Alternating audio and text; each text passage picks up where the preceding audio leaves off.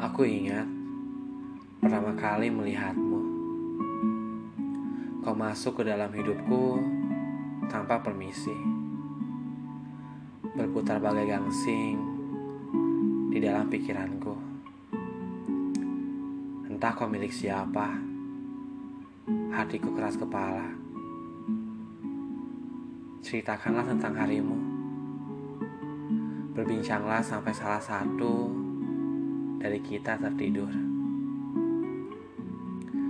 Aku tidak akan bosan dengan semua yang kau ketik. Betapa sering aku menduga-duga. Adakah kode yang tersirat dalam kolom chat kita? Aku tidak mau berdrama.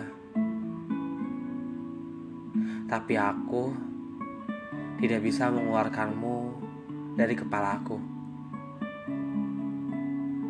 Aku tergila-gila hingga tak tahu lagi mesti berbuat apa. Ini semacam harsat purba yang lebih tua dari manusia. Jika kau percaya akan jodoh, mungkin ini adalah contohnya. Dan aku tidak berbicara perihal parasmu atau apa yang kau punya. Ada sesuatu tentangmu yang membuatku merasa baik-baik saja. Entah apa. Kau selalu membuatku jujur mengenai segala hal. Kecuali satu perasaanku. Andai saja aku mampu memberitahumu, tapi aku terlalu takut akan reaksimu yang tidak sesuai dengan imajinasiku selama ini. Bukankah fiksi lebih meninabobokan dibandingkan kenyataan? Bukankah kita adalah dua orang yang terlanjur menikmati berkubang dalam zona pertemanan? Tubuh kita berlumur harapan palsu.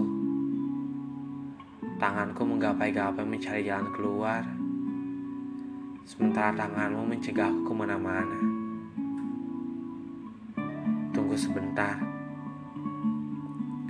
Izinkan aku keluar dari zona pertemanan kita untuk sejenak.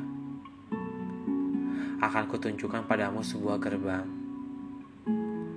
menuju dunia paralel. Mari ikut aku ke sana.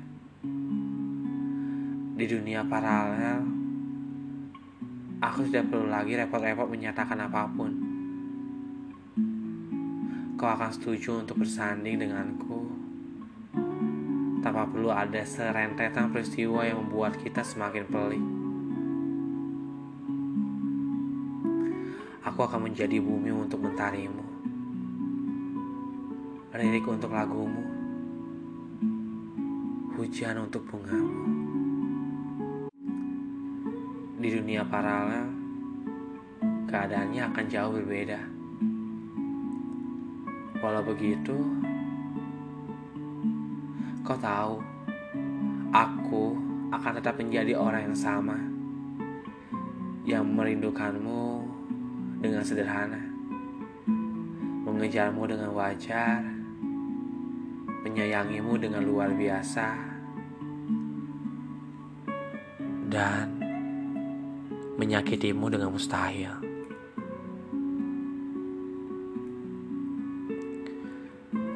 Zona pertemanan tulisan Fiersa Besari